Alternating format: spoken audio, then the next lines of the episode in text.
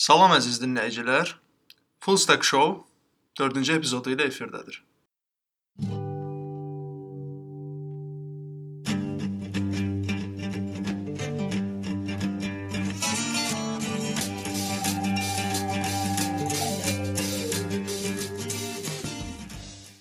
Mən Çingiz. Və mən Ziyəddin. Bugünkü qonağımız Gülağa Gözəlovdur. Gülağa Gözəlov e, bizə human computer interaction mövzusundan, yəni insan və kompüterin qarşılıqlı əlaqəsindən danışacaq. E, Gülağa zəhmət olmasa özünü təqdim eləyərdin dinləyicilərimizə. Adım dediyiniz kimi Gülağa, Gülağadır. Hal-hazırda Estoniyada ə, Human Computer Interaction üzrə master, yəni magistr təhsil alıram. Ə, belə subayam. Podkastımıza zarafat edən ilk şəxs. Ha, tarixə düşdüm. Ə, Human Interaction belə siz sualı verməmiş mən girim mövzuya. Giriş versən ancaq. Ha, çünki Yaxşı olar. ümumiyyətlə ən mənə ən çox verilən suallardan biri budur ki, soruşurlar nə oxursan, deyirəm human computer interaction bir 10 saniyə belə donurlar da. Elə bil ki, nədir bu bilmirlər və hamıya da izah eləyəndə də vaxt çox gedir və insan ürəyi sıxılır. Elə birbaşa buradan dinləyənlərə də ə, qulaq asmış olsunlar. Human computer interaction iki hissəyə bölsək, yəni ümumiyyətlə Wikipedia əsasən Wikipedia əsasən human computer interaction kompüterlərin dizaynını və istifadəsini öyrənən bir araşdırma sahəsidir. Bir elmdir. Elm deyil, araşdırma deyil. sahəsidir. Yəni elm olması, yəni elm deyil. Həşər mütəxəssis odur Çingiz, sözünü vermə. Ə, söz olaraq da iki hissədən ibarətdir. Human və computer. Human tərəfi daha çox sosial sahələr öyrənir. Ə, kompüter tərəfi isə daha çox bildiyimiz kimi proqramlaşdırma, Mhm. ümumiyyətlə kompüter elmləri. Mən təbii ki, mən də ikisini də birdən öyrənirsəm, bu sahəni oxuyursansa, lakin ə, belə maraqlı gələn tərəflərdən biri elə sırf sosial sahəsidir. Çünki nəticə etibarilə siz sosial problemləri, sosial problem biraz daha böyük qavramdır, amma yenə də insan problemlərini həll etməyə çalışırsınız kompüter texnologiyası ilə. Yəni belə qısaca. Belə fokus ə, olduğum sahə isə, yəni human computer interaction daxilində persuasive technology gedir. Yəni Azərbaycan dilində inandırıcı inandırır, inandırıcı texnologiya Mhm. biraz qəribə səslənir. Bu arada xahiş edirəm ki, siz də bu sahədə, ümumiyyətlə bu mövzuda Azərbaycan dilində texnologiyanın ə, texnoloji lüğətlər haqqında maraqlı bir buraxılış keçirə bilirsiniz. Məncə maraqlılar. Nəsə davam eləyim. Bu persuasive texnologiyaya fokuslanmışam. O haqqda da danışarıq birazdan. Ə, Mövzuya tam olaraq girməmişdən qabaq mənə şəxsən maraqlıdır ki, ə, nəyə görə səni human computer interaction cəlb eləyib? Ə, bildiyim qədərilə ə, universitetdə apply eləməmişdən, müraciət eləməmişdən qabaq çoxlu araşdırmalar elədin. Ə, və sonda çoxlu seçimlər olmasına baxmayaraq human computer interaction üzərində yəni kilidləndin, belə deyək. Bu universitetin son ilində ə, yəni adada oxuyurdum mən də, elə Çingiz Naciyyətindən bir yerdə. Universitetin son ilində bir startap startapımız oldu. Ə, bu productive productivity proqramı idi, yəni ə, şəxsi inkişaf proqramı belə deyək. Və bu elə həmin startap daxilində başa düşdüm ki, mənim ə, oxumaq istədiyim sahə, davam etmək istədiyim sahə sırf human computer interaction-da. Bunun da bu olduğunu sonradan başa düşdüm. Yəni əslində marağım sırf elə əvvəldən buraymış. Ə, səhv eləmirəmsə həmin müddətdə behavioral economics oxuyurdun. Mhm. Ə, bəs ə, mənə şəxsən maraqlıdır ki, nəyə görə behavioral economics ə, oxuyurdun ki, həmin ə, startapı daha da genişləndirəsən. Çünki onun bağlantısını başa düşmək istəyirəm human computer interaction, productivity və s. bunlar. Aha. Behavioral economics ümumiyyətlə davranışların iqtisadiyyatı belə tərcüməsi bəlkə belədir, bəlkə Mhm. səhv eləyirəm. Sadəcə mənə görə insan seçimlərini ə, analiz edirlər və bunu iqtisadi cəhətdən də ə, gətir götürüsünü ə, hesablayırlar. Və bu birbaşa elə deyim ki, behavioral science-ə aidiyyəti var. Behavioral science-ın özü də ə, human computer interaction-da yəni dediyim kimi human hissəsinə aid bir sahədir. Behavioral sciences. Xüsusilə ə, behavioral neuroscience, yəni Azərbaycanca bunu heç tərcümə edə bilməyəcəm. Ə, Behavioral neuroscience xüsusilə, yəni maraqlı sahədir mənim üçün hələ də. Behavioral economics isə dediyim kimi biraz yeni çıxan sahədir və ə, ilk məni çəkən o oldu, yəni. O sahənin olduğuna mən o kitab bir kitab oxumuşdum oradan. Yəni əsas maraq mənbəyin behavioral economics-dan başlayıb Behavioral economics-dən. Xeyr. Yəni behavioral economics əlavə oxuduğum kitab idi. Ondan əvvəl ə, sırf marağım proqramın insan həyatını, insan davranışını dəyişə bilməsini ümumiyyətlə bu mövzuydu. Bu necə dəyişə bilər? Bu haqqda da modellər axtarırdım. Davranış ə, proqram dizayn modelləri ki, hansı tip modellə proqram qursaq insan həyatında davranışlarını onların müəyyən qədər dəyişmək olur. Yadıma gəlir kitabxanada bir dəfə görmüşdüm səni. Quora-da araşdırmalar aparırdın. Aha. Yəni desən Quora ilə mənim ilk tanışlığım da onda oldu. Sən mənə dedin ki, belə bir sayt var. Yaxşı suallar paylaşırlar və dünya səviyyəli mütəxəssislər orada cavablar verirlər. Eynən. Deyəsən elə həmin vaxtlar da yəni passionate, ə, Həvəsli. həvəsli olduğun sahəni axtarırdın. Deyəsən Quora-da kömək edib sənə deyəsən. Yəni, şey ə, bir tanıyırsınız da mən yəni ki ə, mən maraqlandığım çoxlu sahələr olub. Yəni kino çəkməkdən tutmuş ə, fotoqrafiya kimi hər hər tipli sahə ilə elə məşğul da olmuşam. Yəni amatörcəsinə. Lakin ən belə maraqlı olduğum səhifə sırf bu sahədə və bu artıq universitetin 3-cü kursunun, yəni sonundan artıq məndə formalaşmağa başladı. Bir şey soruşum. Bu deyirsən ki, məşğul olmusan da yadımdadır video, kino, ə, qısa metrajlı filmlər, kliplər çəkmişdin. Ə, həmçinin rəssamlıq elə adlandırmaq olar necə adlandırmaq? Yəni şəkil çəkirəm. şəkil çəkir. şəkil çəkir. Yəni belə deyək. Bu məşğul olduğun bu fəaliyyətlər sırf bu sahədə sənin irəliləmənə necə təsir göstərib? Ümumiyyətlə əlaqələri varmı? Yoxsa Əlbəttə ki, əlaqəsi var. Çünki human computer interaction, yəni HCI deyim, daha qısa olsun, nə Azərbaycanca tərcümə edeyim, nə də olmasın. HCI. HCI daxilində, yəni dediyim bayaq da dedim, kompüter texnologiyalarının dizaynı və ə, istifadəsi, ə, dizaynı və istifadəsi araşdırma edən bir sahədir. Yəni orada dizayn sözü var.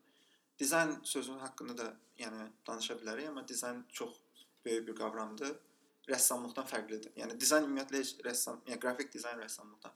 Oradan qrafik dizayna keçdim, oradan user interface dizayna keçdim. Elə videoların özündə də, yəni video durub video çəkəndə kino alınmır da. Yəni onu da qurmalısan. Animasiya durub tutaq ki, şəkil çəkib 2 dənə şəkil ardı-arda qoyanda animasiya olmur. Yəni animasiya filmi olmur. Onu da fikirləşməlisən, ssenari qurmalısan. Bunlar hamısı yəni təbii ki, bir-birindən əlaqəli bir şeylər. Təkcə bu sahə ilə yox. Məncə bu sahələrlə məşğul olan, yəni qrafik dizaynla məşğul olan adam proqramlaşdırmağa marağı varsa, sonradan yanılıbsa, fərq tapacaq. E, e, ortasında əlaqəni tapacaq. Yəni məncə bəhanə tapır insan. Əvvəl axır yəni. Ona görə məncə əlaqəsi var o heç, amma eyni zamanda bəhanə də ola bilər. Ümumiyyətlə human computer interaction bilmirəm bizim ölkədə bir sahə kimi heç Yox, e, elə bir ə, ixtisas mən bildiyimə görə yoxdur. Hı -hı. yoxdur və ümumiyyətlə belə internetdə yəni buzzword kimi də istifadə olunmur. Çox deyəsən dar sahədir Aha. və daha çox research məqsədli, bəlkə də psixologiyanı və computer science bir-birinə qarışdıran ortaq bir sahədir və çox akademik e, belə deyim, e, dərin e, səviyyədə e, araşdırılan və çox da səsi çıxmayan, amma çox önəmli olan bir sahədir. Bunu nəyə görə deyirəm? Çünki bu haqqda kitablar belə deyim də hər il üzə çıxmır. Məsəl üçün Python-ı sıfırdan başlayıb öyrənmək kimi kitablar olmur. Human Computer Interaction-da və vurtut 1-2 dənə yaxşı kitab var idi ki, onu e, bizim Rəşad müəllim bizə Human Computer Interaction dərsini universitetdə keçəndə Aha. o dərsliklə gedirdi və olduqca köhnə dərslik idi. Neçənci ilin bir ən azı bir 10-20 il ə, əvvəl çap olunmuş bir dərs idi, səhv eləmirəmsə. Ə, müəllimin dərsin özü əslində mənə çox maraqsız gəlirdi. Aha. Çünki ə, bir növ Elə bir dizayn öyrənirdin də. Yəni dizayn dediyim dizayn bəlkə də çox quru gəlirdi. Çünki biraz o qədər bəlkə də ə, spesifik belə akademik araşdırılıb ki, onun biraz sadə dildə ə, izahı tələb olunur ki, onu başa düşəsən. Müəllim də o formada başa salırdı. Bir də yaxşı bir ə, söz var, müəllim də demişdi ki, ə, hansısa bir yeni bir mövzunu qarşındakı insana başa salmaq üçün ə, onun bildiyi artıq bildiyi ə, məfhumlarla onu ə, izah etməlisən. Müəllim də o, yəni strategiya ilə gedirdi. Ə, həyatımızda ə, olan hadisələrdən oxşar bir ssenari qururdu və elə izah edirdi ki, human computer interaction-da məsələn filan case necədir, filan halda necə olur belə. Və mən düşünürəm ki, çox yaxşı bir ə, üsuldur onu öyrənməyin. Mən ə, e, human computer interaction, yəni HCI-dən danışmışkən, HCI ümumiyyətlə kəlməsi ilk dəfə kitablarda 1985-ci ildə yəni üzə çıxıb. Yəni çox da uzaq deyil. İlk dəfə isə bu məfhum, yəni bu anlayış və ya sahə 1970-ci illərdə ə, ortaya çıxıb. Xüsusilə Apple şirkətinin, yəni bu sahədə böyük ə, payı var. Yəni bu sahənin inkişafında. Yəni mən, mən belə düşünürəm. Ə, bundan əlavə HCI barədə yəni başlayıb mouselardan, mouse'un dizaynından sonra o operating, yəni əməliyyat sistemlərinin dizaynı, folderlar, hər şey, yəni onların dizaynlarından başlayıb inkişaf eləyə-eləyə gedib. İndi isə artıq daha böyük yerlərə gedir. Hətta mən deyərdim ki, bu artıq ə, bir növ öz hüdudlarından çıxıb artıq sən yeni həllər ortaya qoyursan, yeni ə, dizaynlar ortaya qoyursan ki, bu problemi belə həll edə bilərik. Əvvəllər belə deyim, ə, sadəcə problemi həll edirdim. Məsələn ki, bunu belə eləyək, bunu belə eləyək, düzəlsin, getsin. İndi isə sən artıq yeni özün texnologiyanı özün çıxarırsan. Yəni o təşəbbüskarlıq artıq xüsusilə startapların belə deyək, startap erasında o artıq üzə çıxır. Belə. Ə, bəs Human Computer Interaction çox vaxt bunu UX adlandırırlar. User Experience Design. Lakin bizim orada bir müəllim də var, o da mən onunla razılaşıram. User Experience Design biraz pis səslənir. Yəni User Experience Design belə dil olaraq pis səslənir. Onun yerinə Interaction Design daha yaxşı səslənir. Çox adam bunları eyniləşdirir və haqlı səbəblərdən eyniləşdirir. Lakin mənim fikrimcə HCI ə, biraz daha mənim fikrimcə yox ümumiyyətlə, yəni sırf HCI sahəsi daha dərindir. Yəni dərin deməyə daha genişdir. daha geniş. Ə, bu sahə üzrə ə, belə deyim, izlədiyin adamlar, Hı -hı. akademiklər olsun, professorlar olsun, tədqiqatçı qrupu olsun, varmı? Var, var. Ki onlardan ilham alırsan və o yöndə də tədqiqatını davam etdirməyə kömək edir. Ə, bayaq qeyd elədiyim kimi mənim fokus olduğum sahə persuasive technologies, yəni inandırıcı texnologiya nəsə də bu bir şeydir. Yəni ə, xüsusilə davranışın texnologiya tərəfindən dəyişilməsi mənim maraq olduğum sahədir. Bu sahədə ilk dəfə bu sahənin adı captologiya gedir. Cap captology. Bu sahənin ilk dəfə ümumiyyətlə adını çıxaran ə, Stanfordda professor var, B.G. Fogg. Yəni Fogg hətta özünün bir davranış modeli də var, davranış teoriyası ki, insan buna görə bunda hərəkət edə bilər. İzlədiyim adam odur, hələ də sağdır. Çünki sahə yenidir, yaxşı ki. Və Twitterdə izləyirəm, maraqlı postlar paylaşır. Belə arada test paylaşır deyir, gəlin bu sahədə. Məsələn, o Stanfordda bir laboratoriya var. Adı Persuasive Technology Lab. Gedir, oradan daxilində proqramlar düzəldirlər, ümumiyyətlə dizaynlar edirlər. Onun məzunlarına baxırdım, onun məzunlarından biri Instagramın co-founderlarından biri idi. Həmin labda, yəni assistant kimi işləyib. Hal-hazırda Instagramın co-founderlarından biridir. Təbii ki, nə, nə dərəcə etikdir bunu Instagrama tətbiq eləmək, davranış dəyişikliyini. Instagramı daha çox ailədaşı insanları bəlkə də ailədaşı kimi formalaşdırmaq nə qədərcə düzgündür, bu başqa sualdır. Və həmin adam bunu istifadə eləyibmi orada qazandığı biliklərdən bu da ayrıca sualdır. Çünki Instagramın neqativ təsirləri bildiyimiz kimi var. Hı -hı. Yəni belə. Yəni bu bu sahədə yəni dedim, mənim o hal-hazırda fokus olduğum sahə yeni sahədir və insan sayı ə, alim sayı azdır nisbətən. Xüsusilə Fogg və bir adam var, ə, e, Nir Eyal adında. O Hooked modeli kitabı var, o Hooked modelində. Orada da onu da izlədiyim adamlardan biridir. Xüsusilə saytında və Medium-da izləyirəm o şəxsi. Medium-da maraqlı məqalələr paylaşır və məncə hər kəs oxuyub onu başa düşə bilər. Yəni bir öncə qeyd elədiyin misal verdin Hı. Stanford Hı. məzun olan şəxs. Yəni nə qədər də o sahə, yəni nə qədər də bilsən etik qaydalara riayət etmək önəmlidir. Yəni onu e, üzə Eynən. Mən onu düşün bildirmək indi yəqin ki. yəqin ki şəkil indi adam düzəldib, bəy hamı da alqışlayır yəni. Yəni adam Instagram qurub. Amma yenə də Instagramın olunur. çox güman ki, yəni sırf Instagramda, Facebookda və yaxud digər sosial şəbəkələrdə həmin bu ə, belə deyək, davranışları analiz edib insan davranışlarını və xüsusilə onun həyatına belə pis çıxacaq amma soxurlar da, həyata Aha, soxurlar ki, eynən. bu həyatında girsin bunun, artıq vərdişə çevrilsin. Yəni bu haqqda da danışa bilərik. Aha. Ə, mənə ə, çox maraqlıdır.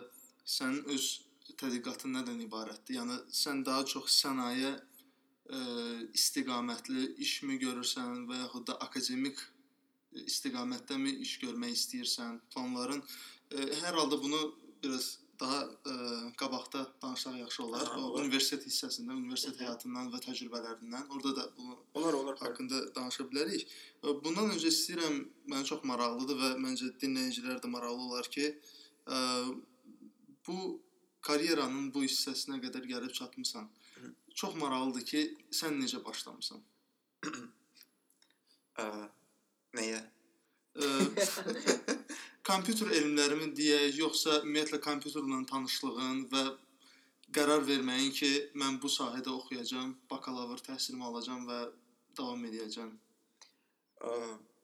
Çətinlik çəksənsə misal gətirin. Mis mən ilk dəfə bir informatika sözü keçən, yəni bir yarışda iştirak edən, yəni informatika Hı. sahəsində eşitmişəm.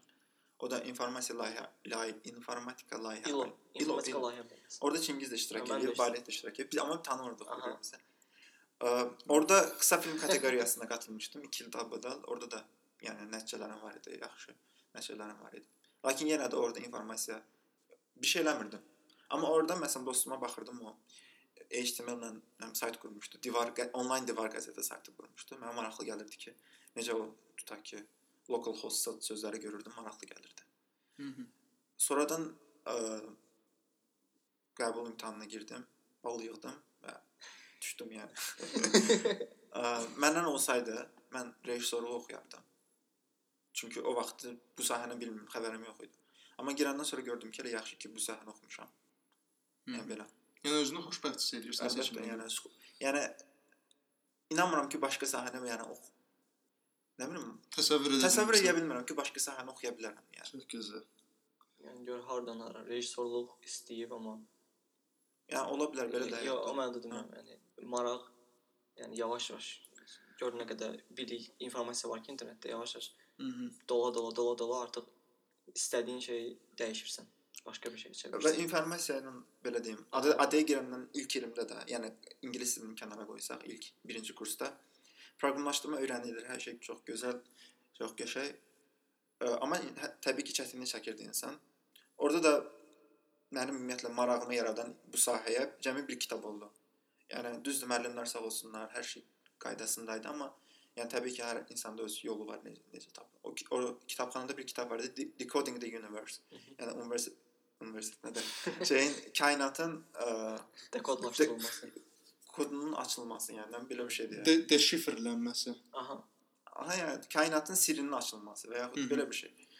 Ə, o kitab mənim informasiya texnologiyaları sahəsinə baxışımı dəyişdi. Yəni əvvəl onu həyatımızdan kənar belə necə olur, dəmir dümür kimi görürdümsə, o kitabdan sonra artıq təbiətin bir parçası kimi görürdüm. Yəni texnologiyanı və bu artıq məni süni bir sahə oxuduğuma yox, təbii bir elmi, yəni elm, e, təb elmi deməyə, təbii təbiət elmi oxuduğuma məni inandırdı.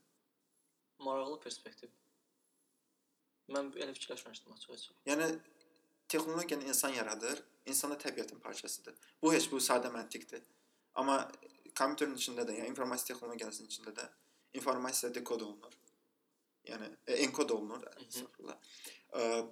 1-0 şəklində və izah olunur. Yəni çox maraqlıdır. Yəni mənim üçün çox maraqlı gəlir. İstəsəz bu haqqda danışa bilərəm, amma məncə uzun çəkəcək. Ə, səhv eləmirəmsə, Estoniyada oxuduğum müddətdə ə, ilk semestrdə sizə çoxlu paperlar oxumağı, belə deyək, ev tapşırığı kimi vermişdilər də. Ə, həmin paperlar ə, sırf human computer interaction-a aid idi, yoxsa yəni həmin paperlardan nə öyrəndim belə deyək də. Bizim bir dənə dərsimiz var idi. Həmin dərsdə ilk tapşırığı ə, ilk tapşırıq yox, ikinci tapşırığı. Yəni ilk tapşırıq tanışlıq məqsədi. İkinci tap tapşırıq müəllim dedi ki, bir, bir iki həftə vaxtımız, bir 10 gün vaxtımız var idi ki, bir dərs arasında. Dedi ki, 10 gün ərzində 100 paper oxumalısınız. 100 paper, ümumiyyətlə bir paper oxumaq özü belə böyük bir şeydir, yəni. 100 paper oxumaq biz dedik ki, yəni Yəni Şey- üzdən götürmək də olmur. Görə başa düşəsən. Aha, ya- sonra müəllim amma ilk paper belə oldu ki, ə, 100 paperi bir həftəyə necə oxumaq olar? ilk paper kimi on, on, onu oxuduq və o haqqda bir müəllimin özünün ə, eksperimenti var idi. O haqqda danışırdı. Ə, təbii ki, hamısını bir-bir açıb oxumadıq. Yəni bu mümkün deyildi. Sadəcə hər paper üçün vaxt qoyurdu. Ə, tutaq ki, 5 dəqiqə. Bir paper 5 dəqiqə artıq var xərclənmirsən. Yəni xərclə lap yarımçıq qaldısan belə paper örtüb qoyurdum kənara. Yəni qayda o idi, çünki oxu çatdıra bilməzdim. Hər paperə 5 dəqiqə sərf eləyib 20 ən yaxşı paperi seçdim və onları və paperlarda müxtəlif sahələrə aid idi. Yəni sırf girirdi ACM var, yəqin bilirsiniz. Yəni bilməyənlər üçün deyim ki, ə, beynəlxalq bir ümumdünya bir təşkilatdır kompüter sahəsinə aid. ACM-in s- yəni orada bütün bu sahəyə aid bütün məqalələr ora submit olunur, yəni ora yerləşdirilir. Həmin yerdən istədiyimiz məqaləni yəni, axtarış eləyirdik. Ha, yəni fərqli-fərqli. Fərqli, yəni elə elə məqalə var idi, aid idi tamamilə, yəni təhsil sahəsinə. Elə məqalə var idi tamamilə aid idi təmiz texnologiyaya. Ə, universitet həyatından danış. Başlanğıcdan necə başladın? Niyə məhz Estoniya məsəl üçün? Niyə məhz Estoniya Estoniyadakı o fakültəni seçdin? Yəni başqa hər halda başqa yerlərdə də computer, human computer interaction dərsləri var idi. Yəni sırf or orada ora səni cəlb edən xüsusiyyətlər nə oldu? Ə, Skandinaviya ölkələrində səfərəmsə var idi bu fakültə. İsveçdə səfərəmsə. Almaniyada var idi. Ə, Finlandiyada buna oxşar bir şey var idi. Və Amerikada var idi. Bir də Portuqaliyada deyəsən səfərəmsə, bir də Kiprdə də var idi. Düzü mən bütün Avropada var imiş. tənbəl adamam biraz. Almaniyaya iki yerə verəcəydim çünki ikisində bir Estoniya idi. Estoniya nisbətən ucuzdur yaşamaq və fikirləşdim ki, təhsil də azdan çoxdan yaxşı olar. Almaniya var idi. Almaniyada fikirləşdim təhsil güclü olacaq, amma sənəd sünəd işləri o qədərdir ki, həm orada yaşamaq, sonra araşdırdım iş tapmaq da biraz çətindir Almaniyada. Və qərar aldım ki, Estoniya müraciət və təkcə həmin sırf bu fakültəyə müraciət elədim. Yəni sırf bu universitetin bu fakültəsinə və bir də bunun yanında bir əlavə fakültə var idi, dərsləri oxşar idi, bir də o fakültəyə. İkisindən də qəbul aldım. Və sonra təqaüd aldım. Çox gözəl. Ə, təhsil müddətində maraqlı ə, belə deyək, təcrübələrin, qatıldığın tədbirlər. Biz məsələn Avropa yəni də bildiyiniz kimi Schengen vizasıdır, hə, yəni Avropa Birliyi daxilində. Orada biz valehlə, valeh də yəqin ki, qismət olar gəlir danışar. valehlə bir yerdə gedirdi ə, hackathonlara. məsələn Almaniyada Bremen-də ə, Jack Jacobs haqqı və ya Jacobs haqqı bilmirəm nə gedir. Jacobs Universitetində keçirilən bir hackathondur. MLH hackathonu. Və yaxud di, ə, Finlandiyada dizayn hackathonuna getdik. Vale həmin dizayn baxmayaraq ki, mən dizayner idim. Vale kod, yəni kodun üstünlüyümdür. Ə, Vale'nin komandası orada, yəni birinci yer oldu Finlandiyada. Mən komandamız yer tutmadı. Məsələn, maraqlı oldu amma çox maraqlı oldu. Sonra Bremen-də da Bremen-dəki hackathon ümumiyyətlə tamamilə başqa idi. Bizim burada Bakıya getdiyim hackathonlardan tamamilə fərqli idi. Və orada necə deyim, fərqliliyi ondan izah edə bilərəm ki, orada daha çox qutudan kənar düşünə bil, daha çox düşünürdülər. Mənə elə gəlir. Məsələn, proqram yazırdılar.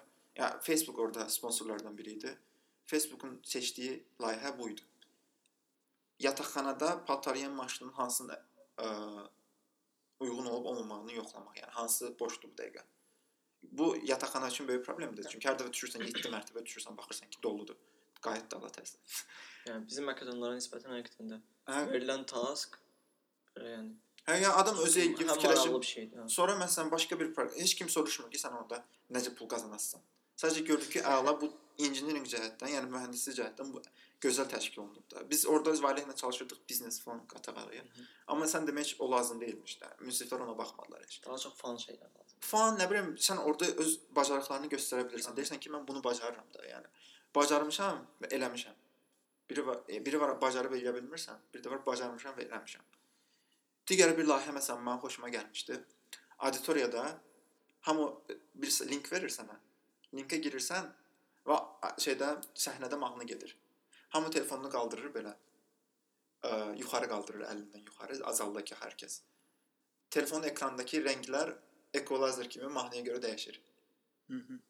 Və elə bil ki mahnı bütün zal elə bil ki mahnını ifa edir də. İfa deməyə, yəni vizual şəkildə mahnını göstərir. Və çox maraqlı bir layihə idi, amma yəni belə hackathonlar mənə düzgün təcrübə, yəni maraqlı təcrübə yaşatdı. Estoniyada da hava soyuqdur, insanlar soyuqdur. Ə, sənəd sənəd işləri çox azdır. Demək olar hər şey elektron şəkildə həyata keçirilir. Və buna görə sevirəm Estoniyanı. İnsanlar ümumiyyətlə soyuqdular, onu da görə sevirəm. Çünki sənə qarşın, yəni səndən oturub yolda çox nadir hallarda kimsə gəlib sənə söz deyər. Deyəsən tibbi resept kağızı da elektrondur burada. Yəni aptekdən nəsə almaq üçün. Olur, hə, elektron tipli kağız, yəni resept olur. Çox şey elektrondur. Yəni demək olar hər şey elektrondur. Mən yadıma gəlir, təqaüdə müraciət edəndə belə imzamı ə, biri var kartından imzalayırsan, şəxsiyyət vəsiqəsindən. Bir də var digital imzaladım. Heç kimsə demədi ki, məsələn, sən niyə kağız gətirmədin? Sən niyə bunu eləmədin? Mən gözləyirdim ki, kimsə, kimsə deyəcək ki, valla kağızı gətirərdim də ofisimə. Yəni, elə bir şey yox idi. Hər şey çox rahat elektron şəkildə həyata keçir. Banklar, bank xidməti xüsusilə. HCI-yi Azərbaycanda hansı sahələrdə tətbiq etmək olar? Ə, maraqlı sualdır və həqiqətən çox sağ ol ki, sualı verdin. Çünki bu haqqda onsuz danışmaq istədim, bəhanə axtarırdım. Ə, HCI, HCI deməyək, yəni HCI bir kənara qoyaq. Ümumiyyətlə dizayn, yəni dizayn Azərbaycanda məncə dizayn hubları, yəni dizayn öyrədilən məkanlar artmalıdır. Universitetdən söhbət getmir. Yəni kurslardan da söhbət getmir. Sadəcə o dizayn ab-havası da, yəni o bir yerdə o ab-hava olmalıdır. Open community. Yəni bir cəmiyyət formalaşmalıdır, dizaynerlərin cəmiyyəti. Söhbət qrafik dizayndan getmir qətiyyən. Ə, product dizaynlar, qrafik dizaynlar, hər şey, hər cür dizayn, industrial dizayn, nə bilim, şəhərin özünün dizaynı, yəni yolların dizaynı. Bunlar olmalıdır. Bunlar olmayanda ə, yəni cəmiyyətdə çoxlu problemlər üzə çıxır. Mən mən belə görürəm. Məsələn, bizdə şəhər qulluculuğunda ə, fikirləşirəm ki, çox böyük bir yer var ki, orada inkişaf gedə bilər. Məsələn, yolların dünya standartlarına, ya Avropa standartlarına uyğunlaşması. Sırf şey, keyfiyyətdən getmir. Aha. Söhbət ə, tutaq ki, piyada keçidlərindən, səkilərdən gedir. Düzdür, buna çalışırlar hal-hazırdakı Bakı Nəqliyyat Agentliyi mən xoşuma gəlir, nəsə eləməyə çalışırlar. Amma yenə də mən fikirləşirəm ki, burada indi bu bir misal idi. Başqa şeylərdə də olur. Yəni dizaynlar, dizaynerlərin sayı artmalıdır. Bu həm ə, biznes sahibkarlığa kömək eləyir. Yəni hər cəhətdən kömək eləyir. Çünki məhsul product design sırf yəni o sahədədir. Hər şeyə kömək eləyir. Yəni cəmiyyətimizi, şəhərimizi, ölkəmizi çox gözəl yerlərə gəlib çıxara bilərik. Ə, və düşünürəm ki, nəinki, yəni mühəndislər gözəl, yəni olmalıdır o heç. Və təsəvvür eləməsəm biraz pis nümunədir, fəhlədir də. Fəhlə tikir binanı, hər şey daşları yığır. Üstündən də rəngləyirlər də, belə olur Hı. ev. Amma ev qəşəng deyil. Yəni fəhlə tikir, fəhlə də bilir ki, tutaq ki, tikir də, özü üçün tikir. Bizdə də kod yazarıq, yazırıq, yazırıq. Amma bunu necə deyim, gözəl və yaxud efficient, yəni istifadəyə yararlı eləmək bu artıq dizaynerlərin işidir. Çox təəssüf ki, Azərbaycanda ə, dizayn sahəsində çox böyük bir boşluq var. Yəni bunu hər şeydə görmək olar. Ə, bankların mobil proqramından tutmuş dedim, bayaq da dediyim kimi şəhərin özünün ə, planına kimi. Və mən belə düşünürəm ki, ə, lap adam amatör də olsa, yəni yoxdur da adam yoxdur. Tutaq ki, Azərbaycanda dizayner yoxdur. Yəni istənilən sahədə. Məncə bir yerdən başlamaq lazımdır. Yəni adam yerli kadrlarla işə cəlb eləməklə, onlara o məsuliyyəti yükləməklə daha da gözəl, yəni inkişaf elətdirmək. Yəni mən bunu Estoniyada gördüm. Estoniya demək hər işdə öz kadrları işləyirlər və əhali də azdır, 1.3 milyon əhalisi var. Amma cəmiyyət inkişaf edir. Yəni o kritik nöqtələrə belə deyək təcrübəsi yoxdur bu adamın. Gətirilməsi istər-istəməz o necə deyim, qaynamalıdır da bu. Bu dizayn, ümumiyyətlə dizayn sahəsi məncə qaynamalıdır və yaxşı inkişaf eləməlidir. Ə, belə bir sualım yarandı. Bəs səncə Azərbaycanın bu informasiya texnologiyaları də, bir növ Cəmiyyəti. hə, cəmiyyəti. Ə, bu sənin dediyin dizayn community-sinə Hı. hazırdır yoxsa yox? Çünki mənim gördüyüm qədərilə ə, çox da hazır deyillər. Mən, mən belə düşünürəm ki, bunu bayaq bir dostumla da danışdım. Azərbaycanda mən bu mənim düşüncəmdir. Mitaplar, yəni mitap deyən bir mədəniyyət var. Mitaplar, mitap mədəniyyəti belə olmalıdır da, yəni yaxşı mənada. Ə, və texnologiya ə, cəmiyyəti belə deyək. Bu bizim kimi proqramistlər və yaxud dizaynerlər bunlar görüşməlidir, bir yerdə yığılmalıdır, bir-birini tanımalıdır, bir-birindən işlərindən agah olmalıdır. Nəinki rəqabət eləmək, özündən razılıq. Bunlar bir kənarda olmalıdır. Və bu mitaplar onsuz bunun üçündür, yəni bir-birini tanımaq üçün və inkişaf etmək üçündür. Düşünürəm ki, mitaplar burada yaxşı rol oynaya bilər. Cəmiyyətin bir-birinə daha da qaynaşması üçün o qütblər bir-birini tapsınlar və yaxud dizayner məsələn adam dizayner olur, baxırsan da qruplarda var bizdə. Olur yəni bu adamın bir yeri yoxdur ki, məsələn getsin bir developer tanışı yoxdur bəlkə ki, özünü inkişaf elətdirsin, nə bilim bir şey eləsin. Gedir loqo düzəldir, sayt düzəldir. Yaxşı, bu- bundan pis pis demirəm. Sadəcə bizdə o dizayn kəlməsi ora ilə sıxışıb qalıb. Loqo, sayt. O saytların da çoxu da ki, yəni çox təəssüf ki, bəlkə də bu ə, düzgün UX səsli olmadığından bilmirəm nədəndir qaynaqlanır. Çox vaxt ə, uyğun praktikadan, hə, hazırki praktikadan istifadə olaraq qurulur və bizim mədəniyyət ə, insanların düşüncəsi nəzərə alınmır. Yəni və ona görə də uğursuz nəticələnir. Məsələn, Azərbaycan startaplarında mən startap mühitində olmuşam Azərbaycanda. Düşünürəm ki, bəlkə də ən böyük boşluq sırf o product design, grafik dizayn o heç, yəni sırf o dizayn sahələridir ki, onlar olsa daha yararlı produktlar çıxar, daha ə, istifadəçi bol olan produktlar çıxar. Çünki product dizayn özündə, yəni sırf məqsəd oturub gözəl produkt qurmaq deyil. Onun istifadəçi cəhətində düşünür ki, bu necə artacaq sayı marketinq tərəfində düşünür. Yəni belə düşünürəm ki, hazır deyil, amma hazır olması öz əlimizdədir. Hazır ol ola bilməsi. Məncə biz hazır eləyə bilərik. Ə, gənc mütəxəssislər kimi. Ölkəyə gəlib bundan bağlı söyləmək istəyirsən? Yoxsa ümumiyyətlə ölkəyə qayıtmaq istəmirsən? Bu da məşhur suallardan biridir. Ölkəyə gələsən yoxsa gəlməyəsən. Ə, bu haqqda nəsə dəqiq deyə bilmərəm, amma Azərbaycan cəmiyyətinə töhfə verməyə həmişə çalışacağam. Yəni bunu deyə bilərəm.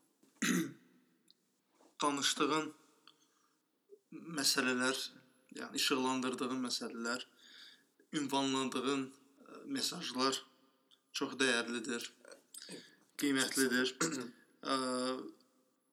Və sonlandırmazdan əvvəl 3 dəyərli, qiymətli saydığın və dinləyicilərə məsləhət görəcəyin kitab.